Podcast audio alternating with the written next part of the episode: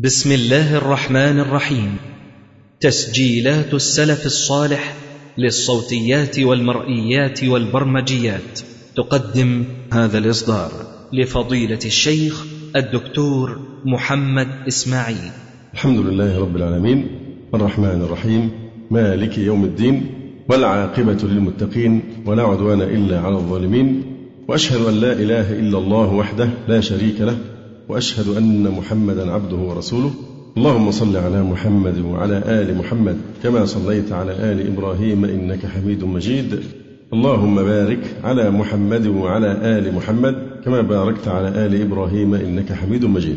أما بعد فنشرع بإذن الله تعالى في تفسير سورة المزمل وهي سورة مكية المدثر وهي سورة مكية وآياتها ست وخمسون آية. قال ابن كثير ثبت في صحيح البخاري عن جابر رضي الله عنه أنه كان يقول أول شيء نزل من القرآن يا أيها المدثر وخالفه الجمهور فذهبوا إلى أن أول القرآن نزولا قوله تعالى اقرأ باسم ربك الذي خلق.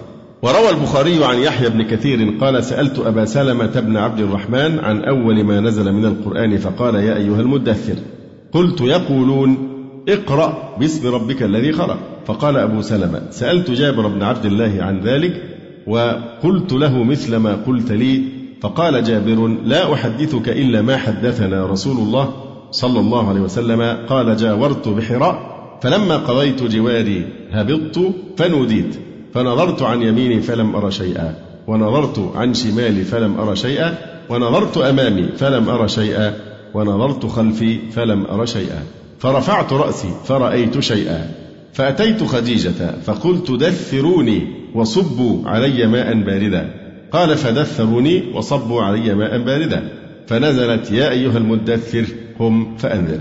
وروى الشيخان أيضا عن الزهري قال أخبرني أبو سلمة بن عبد الرحمن عن جابر بن عبد الله رضي الله عنهما قال سمعت النبي صلى الله عليه وسلم وهو يحدث عن فترة الوحي. فقال في حديثه فبين أنا أمشي إذ سمعت صوتا من السماء. فرفعت رأسي فإذا الملك الذي جاءني بحراء جالس على كرسي بين السماء والأرض فجثثت منه رعبا فرجعت فقلت زملوني زملوني. فدثروني فأنزل الله تعالى يا أيها المدثر إلى آخر الآية. يقول ابن كثير وهذا السياق هو المحفوظ وهو يقتضي أنه قد نزل الوحي قبل هذا لأن في الحديث إيه؟ فإذا الملك الذي جاءني بحراء. يبقى بحراء. هي دي بقى اقرأ باسم ربك الذي خلق. أما هذه الرواية الأخرى فهي بعد فترة الوحي نزلت إيه؟ يا أيها المدثر. ثم إنه حصل بعد هذا فترة ثم نزل الملك بعده هذا وجه الجمع. أن أول شيء نزل بعد فترة الوحي هو سورة الإيه؟ المدثر. وروى الطبراني عن ابن عباس رضي الله عنهما أن الوليد بن المغيرة صنع لقريش طعاما فلما أكلوا منه قال ما تقولون في هذا الرجل؟ فقال بعضهم ساحر وقال بعضهم ليس بساحر وقال بعضهم كاهن وقال بعضهم ليس بكاهن وقال بعضهم شاعر وقال بعضهم ليس بشاعر وقال بعضهم سحر يؤثر فأجمع رأيهم على أنه سحر يؤثر ينقله عن السابقين. فبلغ ذلك النبي صلى الله عليه وسلم فحزن وقنع رأسه وتدثر فأنزل الله تعالى يا أيها المدثر إلى آخر الآيات. فقوله عز وجل هنا في أول السورة بسم الله الرحمن الرحيم يا أيها المدثر. المدثر هو النبي صلى الله عليه وسلم وأصله يا أيها المتدثر. أدغمت التاء في الدال أي المتلفف بثيابه عند نزول الوحي عليه. فالمدثر هو لابس الدثار والدثار هو ما فوق الشعار. يعني الإنسان حين يلبس ملابس الملابس التي تلي جلده التي تلتصق وتلامس جلده دي تسمى الايه؟ دي الشعار، الشعار هو الثوب الذي يلي الجسد، اللي فوق الشعار هو الايه؟ الدثار. قم فأنذر، يعني خوف أهل مكة النار إن لم يؤمنوا، وربك فكبر، عظم عن إشراك المشركين. يعني هنا فن من فنون البلاغة ابتدعه المتأخرون انشغل به بعض المتأخرين. يعني لا مانع إحنا كنوع من الملح آه، نذكره وهو ما لا يستحيل بانعكاسه. بيقولوها دايما في الفوازير والأشياء اللي زي كده. فنوع من الملح فما لا يستحيل بانعكاسه كهذه الآية الكريمة. وربك فكبر. يعني أنت لو قريتها من الخلف تكون نفس القراءة من الأمام. لأن إيه؟ كبر يبقى ر ب كاف. ربك فكبر. ربك فكبر. تقراها من اليمين أو من الشمال لا تنعكس. تصبح نفس الإيه الكلمة عارفين جمل مشهورة بحاجة زي كده؟ سر فلا كبى بك الفرس. نعم. إذا هذا فن طريف ابتدعه المتأخرون وأساءوا فيه. أحسنت. آه، لأنه لا يأتي جيدا إلا في الندرة. يعني لا يستملح إلا نادرا.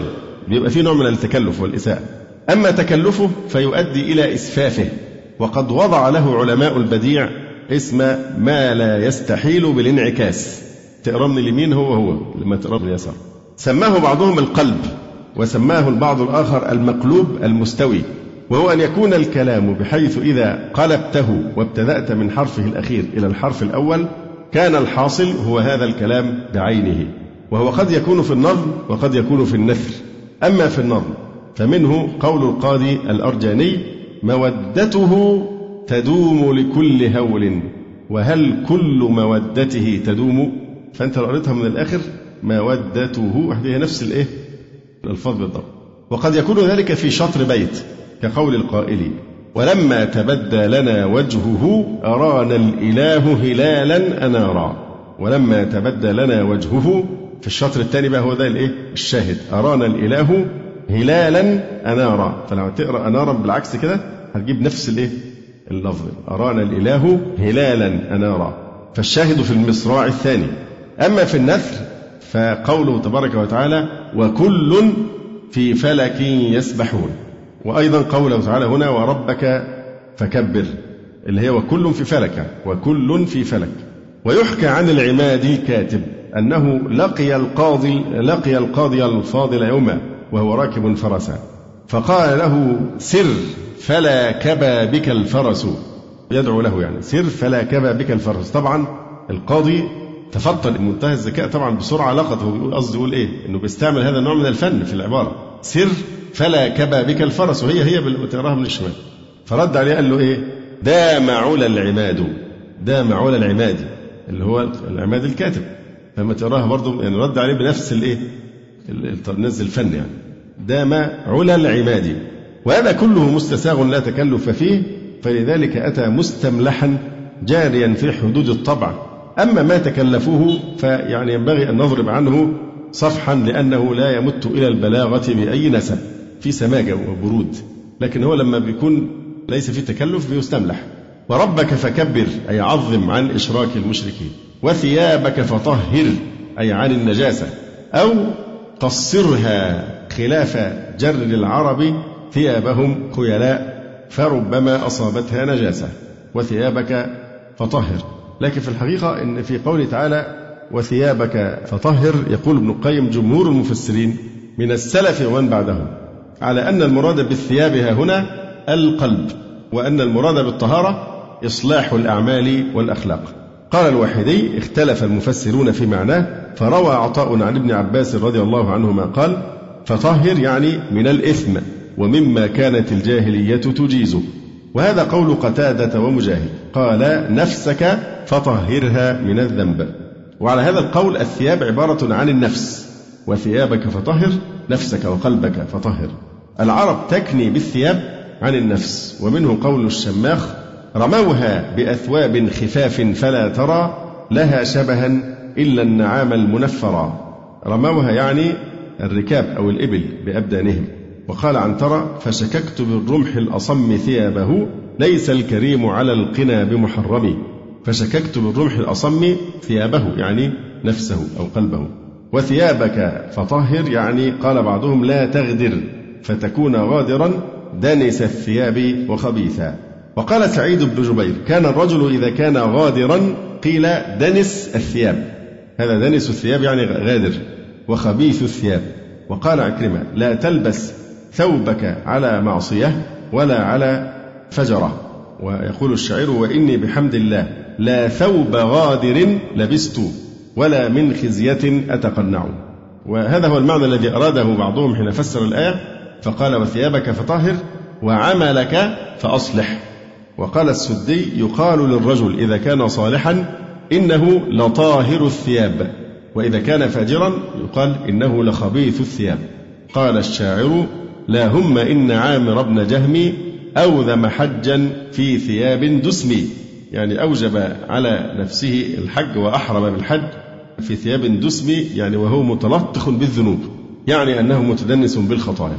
وكما وصفوا الغادر الفاجر بدنس الثوب وصفوا الصالح بطهارة الثوب. قال امرؤ القيس ثياب بني عوف طهارة نقية يعني أنهم لا يغدرون بل يفون. وقال الحسن وثيابك فطهر خلقك فحسنه. وهذا قول القرطبي. وعلى هذا الثياب عبارة عن الخلق لأن خلق الإنسان يشتمل على أحواله اشتمال ثيابه على نفسه.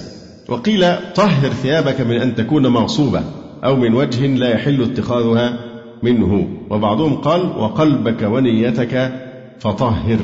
وبعضهم أخذ بظاهر الآية أن المقصود تطهير الثياب من النجاسات التي لا تجوز معها الصلاة. بعضهم قال وثيابك فطهر يعني فقصر لأن تقصير الثوب أبعد من النجاسة.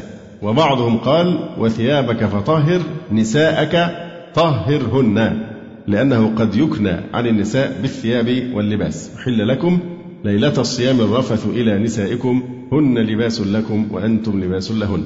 تماما كما يكنى عنهن بالإزار. ومنه قول الشاعر أبلغ أبا حفص رسولا. فدا لك من أخي ثقة إزاري أي أهلي. وقال البراء بن معرور للنبي صلى الله عليه وسلم ليلة العقبة لنمنعك مما نمنع منه أزرنا أي نساءنا. يقول ابن القيم الآية تعم هذا كله وتدل عليه بطريق التنبيه واللزوم وإن لم تتناول ذلك لفظا فالمأمور به إن كان طهارة القلب فطهارة الثوب وطيب مكسبه تكميل لذلك.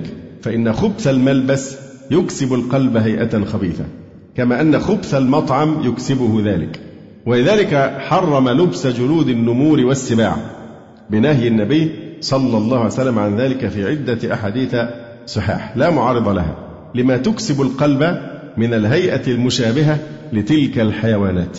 فإن الملابسة الظاهرة تسري إلى الباطن. ولذلك حرم لبس الحرير والذهب على الذكور لما يكتسب القلب من الهيئة التي تكون لمن ذلك لبسه من النساء وأهل الفخر والخيلاء.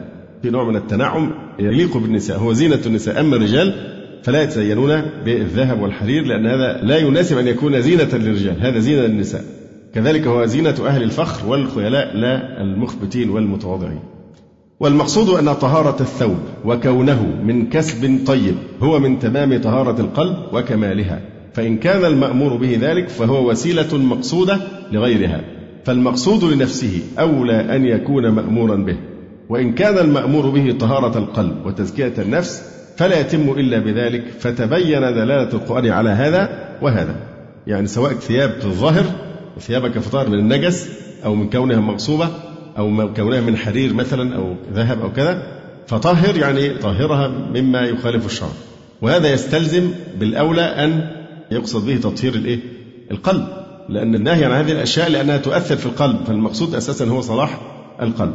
أما تفسير الآخر وهو قول الجمهور ثيابك فطهر يعني إيه؟ قلبك فطهر وثيابك فطهر والرجز فاهجر. فسره النبي صلى الله عليه وسلم بالأوثان. والرجز بكسر الراء الرجز والرجز. تقرأ الرجز والرجز بكسر الراء وضمها وهي الأصنام والأوثان. وقيل الإثم والرجز فاهجر الإثم. وقيل العذاب أي يهجر ما يؤدي إليه من عبادة الأوثان وغيره من المآثم. والرجز هذه الزاي منقلبة عن السين. هي أصلها إيه؟ والرجس فاهجر. فهي منقلبة الزاي منقلبة عن السين والعرب تعاقب بينهما والمعنى واحد. والرجز فاهجر ولا تمنن تستكثر. طبعا فاهجر المقصود إيه؟ هل الرسول عليه السلام كان يتعاطى الأوثان أم أنه كان هاجرا لها بالفعل؟ لا شك أنه كان بريئا منها. ولذلك شوف دقة في التفسير هنا بيقول إيه فاهجر يعني إيه فاهجر دم على هجره. مش اهجره على ظاهرة نفسرها لا دم على هجره. فهنا المقصود والرجز فاهجر أي دم واثبت على هجره لأنه صلى الله عليه وسلم كان بريئا منه لا شك في ذلك. فشوف دقة التعبير هنا في الجلال المحلي. يبقى فاهجر يعني إيه؟ دم على هجره واثبت على ذلك. ولا تمنن تستكثر. طيب هي الآية دي ولا تمنن تستكثر والآية اللي بعدها ولربك فاصبر. مين يقرأ الآيتين ويصلهما؟ ولا تمنن ها؟ تستكثروا يبقى إذا ما إعراب تستكثر؟ حال. قرأناها طبعا بالرفع هنا فهي حال. أي لا تعطي شيئا لتطلب أكثر منه. وهذا خاص به صلى الله عليه وسلم لأنه مأمور بأجمل الأخلاق وأشرف الآداب صلى الله عليه وسلم. لا تمنن تستكثر. يعني يمن الإنسان بالمنة وما آتيتم من ربا ليربو في أموال الناس فلا يربو عند الله. ده الربا الحلال. هذا هو الربا الحلال. يعني واحد يعطي واحد هدية وعلى أمل أنه يردها له بإيه؟ بحاجة أعلى منها أو أحسن منها. فيمنن يقصد الاستكثار حينما ترد إليه تكون أكثر مما أعطى. فهذا ما يسمونه الربا الحلال. لكن هنا يقول أن هذا خاص بالنبي صلى الله عليه وسلم. لا تمنن تستكثر. يعني تستكثر بذلك تستجلب إيه ما هو أكثر من المنة التي مننت بها. يقول هنا ولا تمنن تستكثر أي لا تعطي شيئا لتطلب أكثر منه. وهذا خاص به صلى الله عليه وسلم. فهو أن تهدي ليهدى إليك أكثر من هديتك. ولا تمنن تستكثر. ولربك فاصبر. يعني على الأوامر والنواهي. فإذا نقر في الناقور الفاء للتسبيب والعلة كأنه قال ولربك فاصبر يعني اصبر على أذاهم فبين أيديهم يوم عسير. يلقون فيه مغبة أذاهم وتلقى فيه عاقبة صبرك. فإذا نقر في الناقور الناقور هو الصوت المراد به هنا الصور يعني القرن الذي ينفخ فيه إسرافيل. فإذا نقر في الناقور أين نائب الفاعل؟ ضمير هو يعود إلى إسرافيل. فإذا نقر في الناقور أي نفخ في الصور وهو القرن النفخة الثانية لأن الراجح أنهما نفختان. قال ثم نفخ فيه أخرى فإذا هم قيام ينظرون. وقال في الحديث ما بين النفختين إيه؟ أربعون. فيدل أنه الراجح أنهما نفختان وليس ثلاث نفخات. فإذا نقر في الناقور نفخ في الصور وهو القرن النفخة الثانية. فذلك أي النقر أو وقت النقر يومئذ بدل مما قبله اللي هو المبتدأ وبني لإضافته إلى غير متمكن يعني إلى منون تنوين عوض عن جملة اللي هي يومئذ يوم عسير. فذلك يومئذ يوم عسير يعني اشتد الأمر. على الكافرين غير يسير. على الكافرين غير يسير. فيه دلالة على أنه يسير على المؤمنين أي في عسره. هنا طبعا سؤال مهم جدا يعني إن أنه يقول عز وجل هنا فذلك يومئذ يوم عسير على الكافرين. ثم قال غير يسير. ألم تكن تكفي كلمة عسير عن كلمة غير يسير؟ إذا ما الحكمة أو ما فائدة قوله تعالى على الكافرين غير يسير مع أن عسير يغني عن وصفه بأنه إيه؟ غير يسير. الجواب أنه لما قال على الكافرين فذلك يومئذ يوم عسير على الكافرين فقصر العسر على الكافرين. يبقى هو عسير على مين؟ على الكافرين. فقصر العسر على الكافرين. ثم قال بعدها غير يسير ليؤذن بأنه لا يكون عليهم كما يكون على المؤمنين يسيرا هينا ليجمع بين وعيد الكافرين وزيادة غيظهم وبشارة المؤمنين وتسليتهم. هنا جاب غير يسير يعني كما يكون الحال مع المؤمنين. فهذا فيه تبشير المؤمنين وفيه إغاظة للكافرين. ليجمع بين وعيد الكافرين وزيادة غيظهم وبشارة المؤمنين وتسليتهم. ويجوز أن يراد أنه عسير. لا يرجى أن يرجع يسيرا. كما يرجى تيسير العسير من أمور الدنيا. إنه ليس كأمور الدنيا أن العسر يعقبه يسر ويأتي بعده فرج. وصفه بأنه يوم عسير. على الكافرين غير يسير. إياكم أن تظنوا أنه كعسر الدنيا يعقبه فرج ويسر. لكن هذا عسر دائم غير يسير لينفي عنه مآله إلى اليسر. ثم يقول تبارك وتعالى ذرني ومن خلقت وحيدا. ذرني اتركني. النون هنا نون إيه؟ نون الوقاية ذرني اتركني. ومن خلقت وحيدا. ما نوع الواو؟ يحتمل طبعا تكون عاطفة ويحتمل أن تكون واو المعية. ذرني ومن خلقت وحيدا. يبقى لو قلنا ومن لو قلنا واو العطف تبقى هنا عطف على المفعول في قوله ذرني على الياء. وإذا قلنا إنها على المعية يبقى تكون إيه؟ مفعولا معه. ذرني ومن خلقت وحيدا. خلقت يعني خلقته وحيدا. عشان دي الصلة.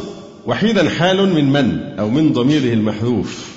يبقى أول شيء في كلمة وحيدا ذرني ومن خلقت أي ومن خلقته وحيدا.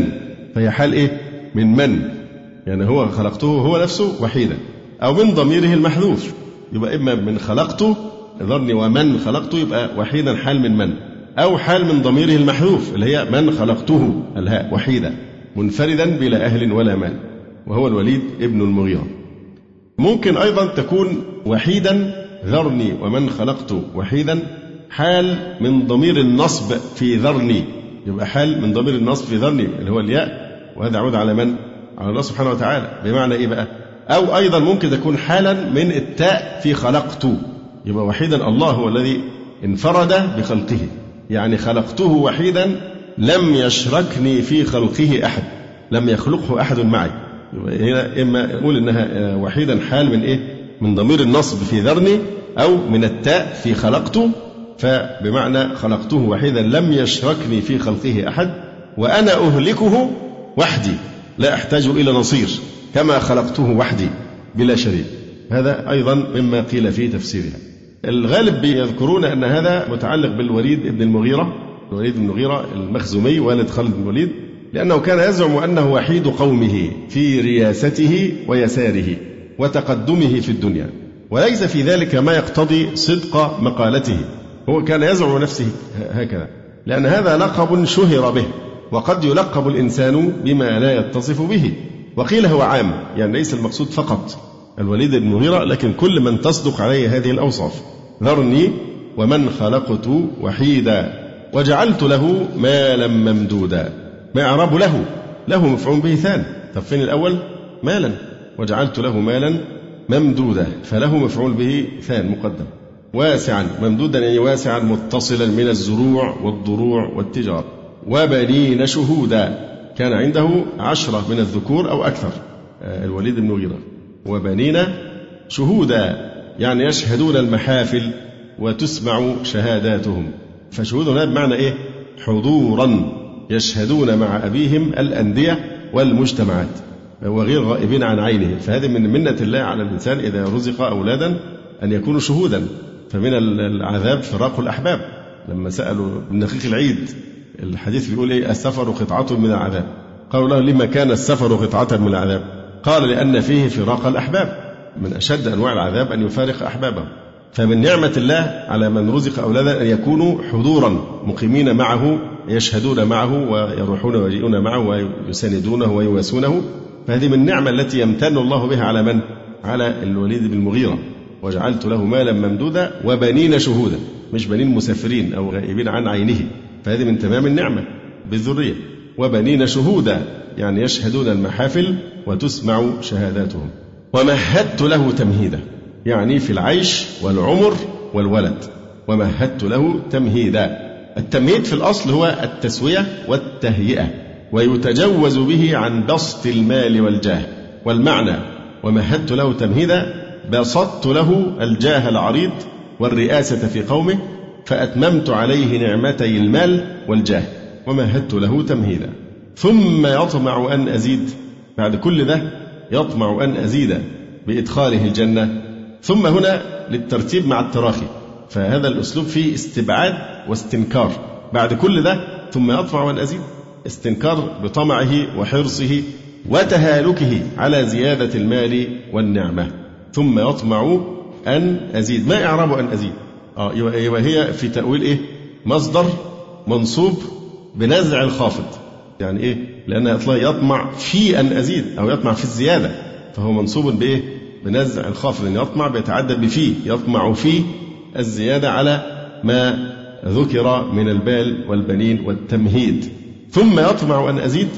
هو الحقيقة هنا الجلال المحلي يقول ثم يطمع أن أزيد يقول بإدخاله الجنة يقول القاسمي ثم يطمع أن أزيد أي من المال والولد والجاه أو من النعيم الأخروي ثم يطمع أن أزيد مع كل هذا الذي أعطيته في الدنيا. أيضا كمان يريد أن يدخل الجنة وهذا أظهر. قاسمي يعتبر أن التفسير بأن المقصود به النعيم الأخروي أظهر.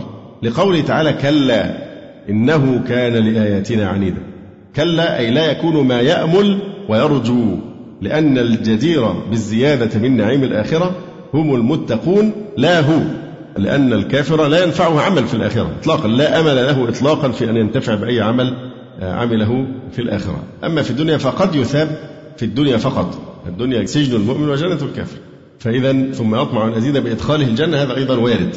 يطمع أن أزيد بأن يدخل الجنة في الآخرة كيف كلا كلا لا أزيده على ذلك. فكلا ردع وزجر له لقطع رجائه وطمعه وتهالكه.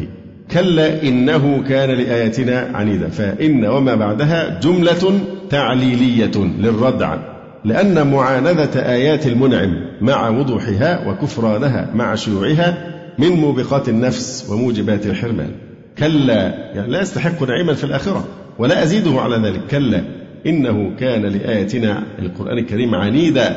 العنيد هو الجاحد والمعرض والمجانب للحق والهدى.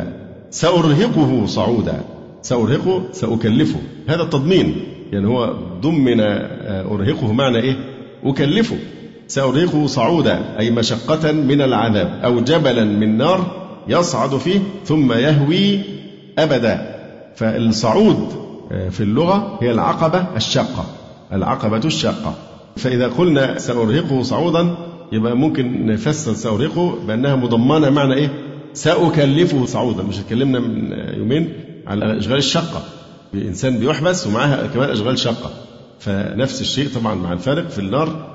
يحبس في النار ثم معها إيه؟ يكلف بأعمال شاقة وهذا أحد المواضع التي تؤيد هذا. سأرهقه سأكلفه صعودا.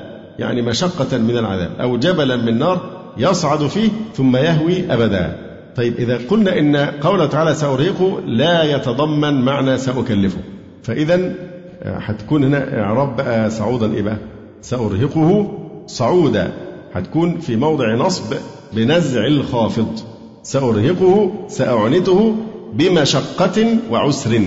يقول تبارك وتعالى إنه فكر وقدر. هذا تعليل لاستحقاقه الوعيد الآنف الذكر. إنه فكر فيما يقول في القرآن الذي سمعه من النبي صلى الله عليه وسلم وقدر في نفسه ذلك فقتل كيف قدر قتل لعن وعذب. هي كلمة قتل هنا تحتمل حاجتين تحتمل أنها قتل بمعنى لعن فتكون الجملة دعائية دعاء عليه فقتل لعن دعاء. أو قتل أي غلب وقهر يبقى قتل إما أنها لعن فتكون جملة دعائية أو تكون غلب وقهر فتكون معطوفة على ما تقدم من الكلام. يقول امرؤ القيس وما ذرفت عيناك إلا لتضربي بسهميك في أعشار قلب مقتل. وما ذرفت عيناك إلا لتضربي بسهميك يعني بعينيك الاثنتين. السهام تخرج منهما من طريق الدموع يعني. وما ذرفت عيناك إلا لتضربي بسهميك في أعشار قلب مقتل. مقتل يعني مذلل مقهور بالحب. يبقى قتل تأتي بمعنى إيه؟ غلب وقهر. فقتل كيف قدر؟ كيف طبعا حال. كيف قدر؟ يعني على أي حال كان تقديره. فالاستفهام هنا للتعجب من تقديره وتوبيخه والاستهزاء به. فقتل كيف قدر. ثم نظر. يعني في وجوه الناس مغضبا مما قالوه فيه. وهو أنه صبأ. ومال إلى رسول الله صلى الله عليه وسلم. ثم نظر في وجوه قومه أو فيما يقدح به فيه أو يقدح به فيه. ثم عبس قطب وقبض وجهه وكلحه ضيقا بما يقول. وبسر أي زاد في القبض والكلوح. بسر يقال بسر فلان إذا قبض ما بين عينيه. بيسموها أوميجا ساين أوميجا يعني علامة الأوميجا دي اللي هي بأن واحد بيكشر هنا. فإذا قبض ما بين عينيه كراهية للشيء واسود وجهه منه بسر. يقال وجه باسر أي منقبض أسود. والبسر استعجال الشيء قبل أوانه. يقال بسر الرجل حاجته أي طلبها في غير أوانها. ومنه قيل للذي لم يدرك من الثمر الإيه؟ بسر. فقوله عبس وبسر يعني أظهر العبوس قبل أوانه وقبل وقته. قد يقول بعضهم يعترض بقوله تعالى وجوه يومئذ باسرة. طيب هو هنا كان قبل أوان العذاب نقول نعم لأن هو صحيح في أحوال القيامة تصيب بهذه الحالة. وجوه يومئذ باسرة. فهذه نقول أيضا فيها نفس المعنى لأنها باسرة إشارة إلى حالهم قبل الانتهاء إلى النار قبل أن يعني يحالوا إلى النار نفسها العذاب. بدليل إيه؟ وجوه يومئذ باسرة تظن أن يفعل بها فاقرة. لسه هيحصل بعد كده.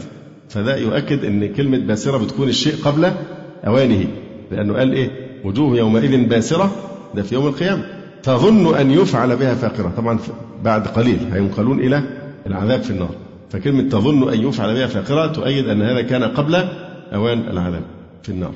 ثم عبس وبسر ثم أدبر واستكبر.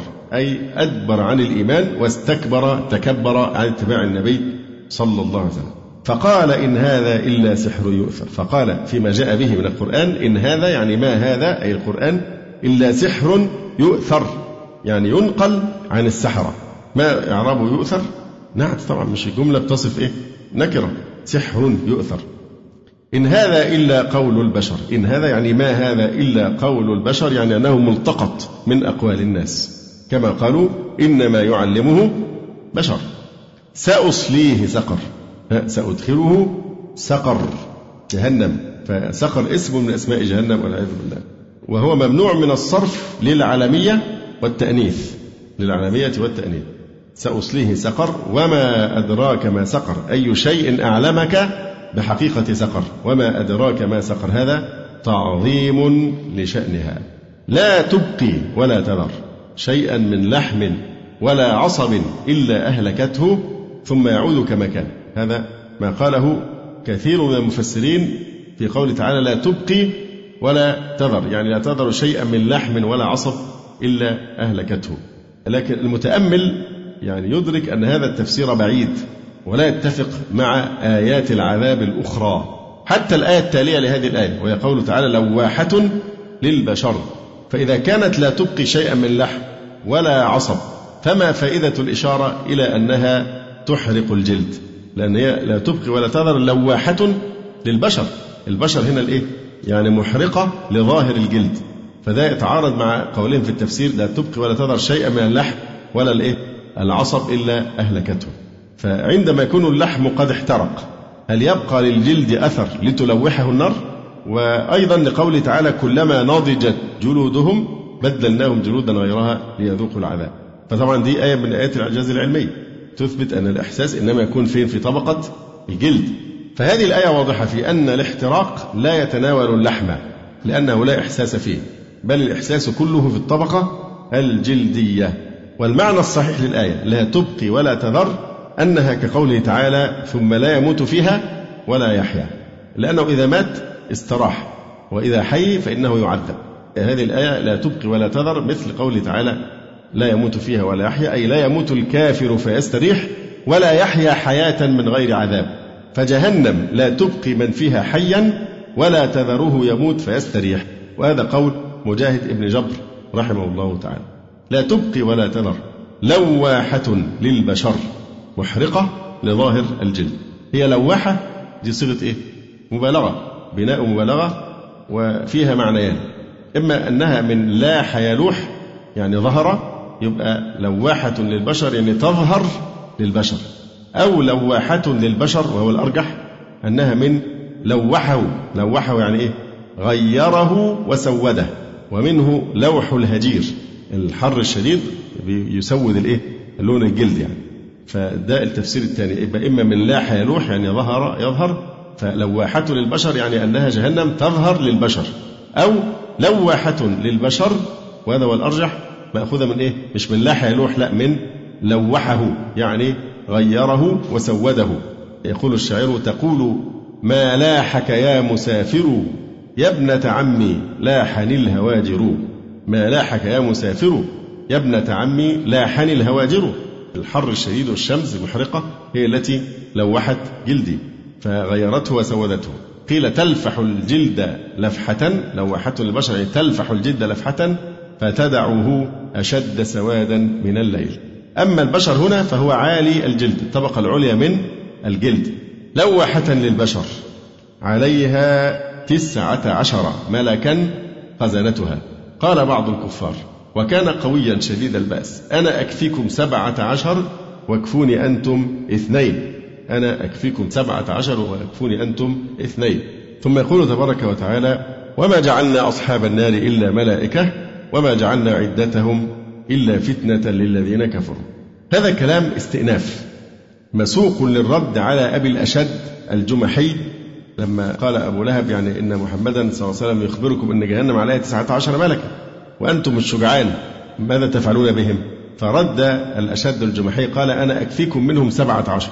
عشر على ظهري وسبعة على بطني واكفوني أنتم اثنين. فنزل قوله تعالى وما جعلنا أصحاب النار إلا ملائكة.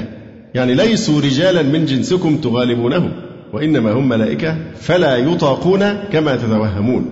إلا ملائكة. وما جعلنا عدتهم يعني عددهم ذلك 19 إلا فتنة أي ضلالة. ما يعرب فتنة؟ مفعول به ثان لكن هي على حذف مضاف. وما جعلنا عدتهم إلا سبب فتنة. ولا يمكن أن نقول إنها مفعول لأجله طبعا. لا يقال أبدا أنها مفعول لأجله. وما جعلنا عدتهم إلا فتنة أي سبب فتنة أي ضلالا للذين كفروا كأبي جهل وأمثاله بأن يقولوا لما كانوا تسعة عشر؟ ما هو لو كانوا خمسة عشر هيقولوا ليه خمسة عشر لو قال ثلاثين هيقولوا ليه ثلاثين وهكذا. وما جعلنا عدتهم إلا فتنة ضلالا للذين كفروا بأن يقولوا لما كانوا تسعة عشر؟ ليستيقن الذين أوتوا الكتاب. فعلنا ذلك ليستيقن ليستبين الذين أوتوا الكتاب أي اليهود والنصارى صدق النبي صلى الله عليه وسلم في كونهم تسعة عشر الموافق لما في كتابهم. ويزداد الذين آمنوا إيمانا. يزداد الذين آمنوا يعني هنا قال من أهل الكتاب. أو يزداد الذين آمنوا بمحمد صلى الله عليه وسلم وقيل الذين دخلوا في الإيمان من أهل الكتاب. إيمانا تصديقا لموافقته ما أتى به النبي صلى الله عليه وسلم لما في كتابه. ولا يرتاب الذين أوتوا الكتاب والمؤمنون يعني من غيرهم في عدد الملائكة. وليقول الذين في قلوبهم مرض شك بالمدينة وهم المنافقون بالمدينة. والكافرون أي بمكة. ماذا أراد الله بهذا مثلا؟ ماذا أراد الله بهذا العدد مثلا؟ سموه لغرابته بذلك. وأعرب حالا. كذلك أي مثل إضلال منكر هذا العدد وهدى مصدقه كذلك يضل الله من يشاء ويهدي من يشاء. وما يعلم جنود ربك أي الملائكة في قوتهم وأعوانهم إلا هو. وما هي أي سقر إلا ذكرى للبشر. كلا والقمر كلا حلف ردع وزجر لمن ينكر أن تكون إحدى الكبر نذيرا للبشر. إذا فلا معنى لقول الجلال المحلي هنا كلا استفتاح بمعنى ألا. لا هي حرف ردع وزجر لمن ينكر أن تكون إحدى الكبر نذيرا للبشر. كلا والقمر والليل إذا أدبر في قراءتين. والليل إذا دبر يعني بفتح الذال. دبر أي جاء بعد النهار. وفي قراءة والليل إذ أدبر بسكون الذال بعدها همزة يعني مضى. والصبح إذا أسفر ظهر. إنها أي سقر لإحدى الكبر أي البلايا العظام نذيرا للبشر نذيرا حال مما دلت عليه الجملة يعني عظمت عليه نذيرا نذيرا للبشر وذكر لأنها بمعنى العذاب. لمن شاء منكم بدل من البشر أن يتقدم إلى الخير أو الجنة بالإيمان أو يتأخر إلى الشر أو النار بالكفر. ثم يقول تعالى كل نفس بما كسبت رهينة. هذا كلام مستأنف لبيان أن كل نفس رهن بما كسبت. كل نفس بما كسبت رهينة مرهونة مأخوذة بعملها في النار. إلا أصحاب اليمين وهم المؤمنون فناجون منها. في جنات يتساءلون يعني كائنون في جنات يتساءلون بينهم. فهذه جملة مستأنفة. كأنها نشأت جوابا لسؤال نشأ من الاستثناء والتقدير فما شأنهم وحالهم إلا أصحاب اليمين. فكأن الإنسان يسأل ما شأنهم؟ الجواب في جنات يتساءلون كائنون في جنات يتساءلون بينهم عن المجرمين وحالهم ويقولون لهم بعد إخراج الموحدين من النار ما سلككم في سقر؟ ما أدخلكم في سقر؟ قالوا لم نك من المصلين. أول سبب لم نك من المصلين فنكو مجزوم بلم. وعلامة جزمه السكون المقدرة على النون المحذوفة للتخفيف. لم نكن هي أصلها كده حذفت النون للتخفيف. لأنها أي نون تحذف من مضارع كان المجزوم إذا لم يله ساكن. ولم نكن نطعم المسكين. وكنا نخوض مع الخائضين يعني كنا نشرع ونخوض في الباطل مع الخائضين. أي فيه وهذا تحذير لكل من تسول له نفسه أن يسرع في الإجابة عما لا يعلمه. وكنا نكذب بيوم الدين أي البعث والجزاء حتى أتانا اليقين حتى حرف غاية وجر. اليقين هنا بمعنى الموت. فما تنفعهم شفاعة الشافعين؟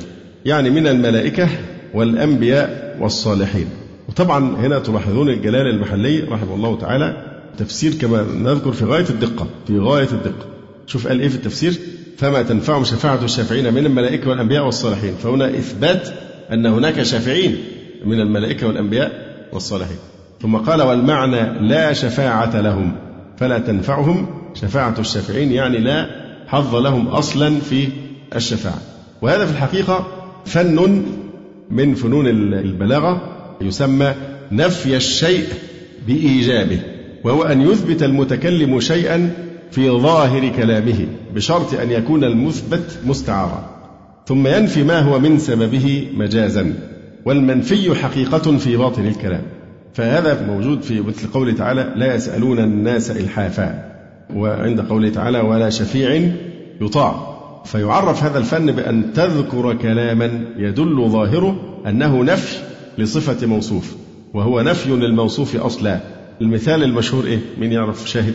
على لاحب لا يهتدى بمناره تكلمت عنها في عودة الحجاب عند تفسير قوله تعالى والقواعد من النساء اللاتي لا يرجون نكاحا فليس عليهن جناح أن يضعن ثيابهن غير متبرجات بزينة. شوف بيقول في التفسير هنا الزمخشري بيقول غير متبرجات بزينة هي من باب على لاحب لا يهتدى بمناره على لاحب لا يهتدى بمناره يعني لا منار فيه فيهتدى به.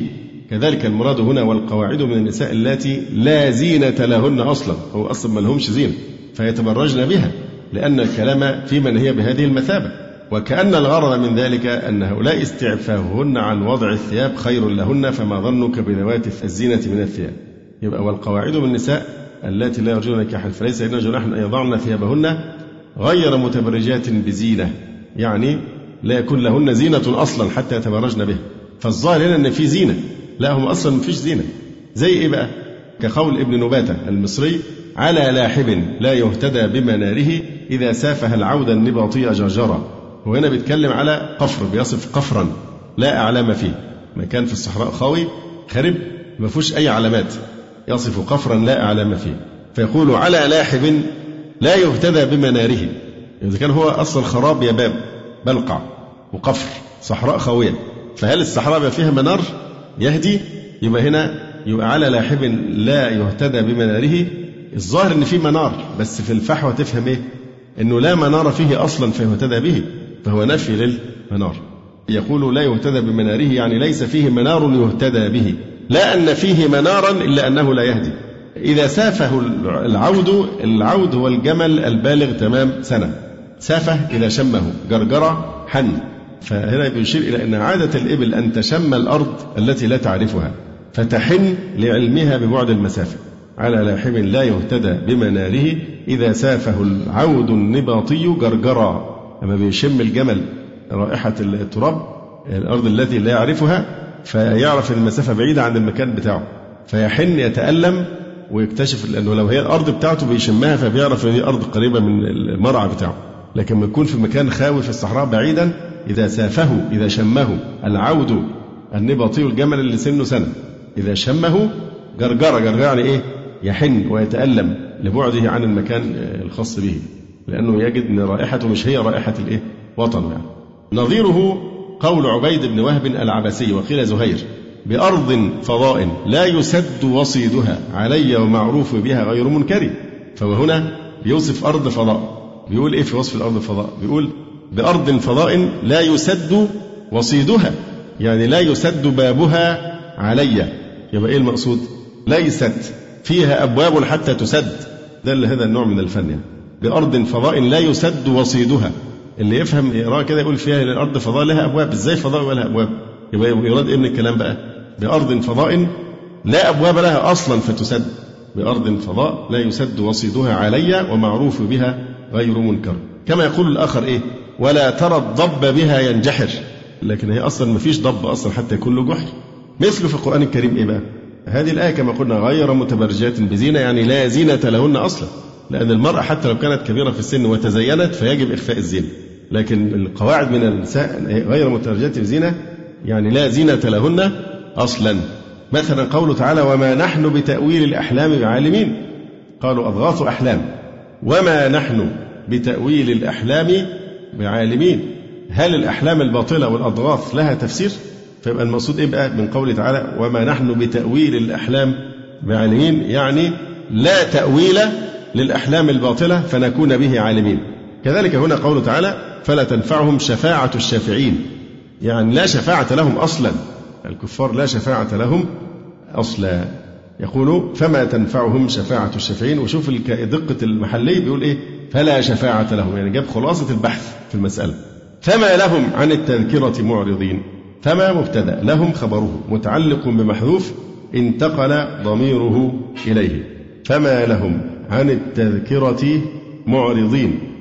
حال من الضمير. يعني أي شيء حصل لهم في إعراضهم عن الاتعاظ. كأنهم حمر مستنفرة. حمر جمع حمار. مستنفرة حمر وحشية.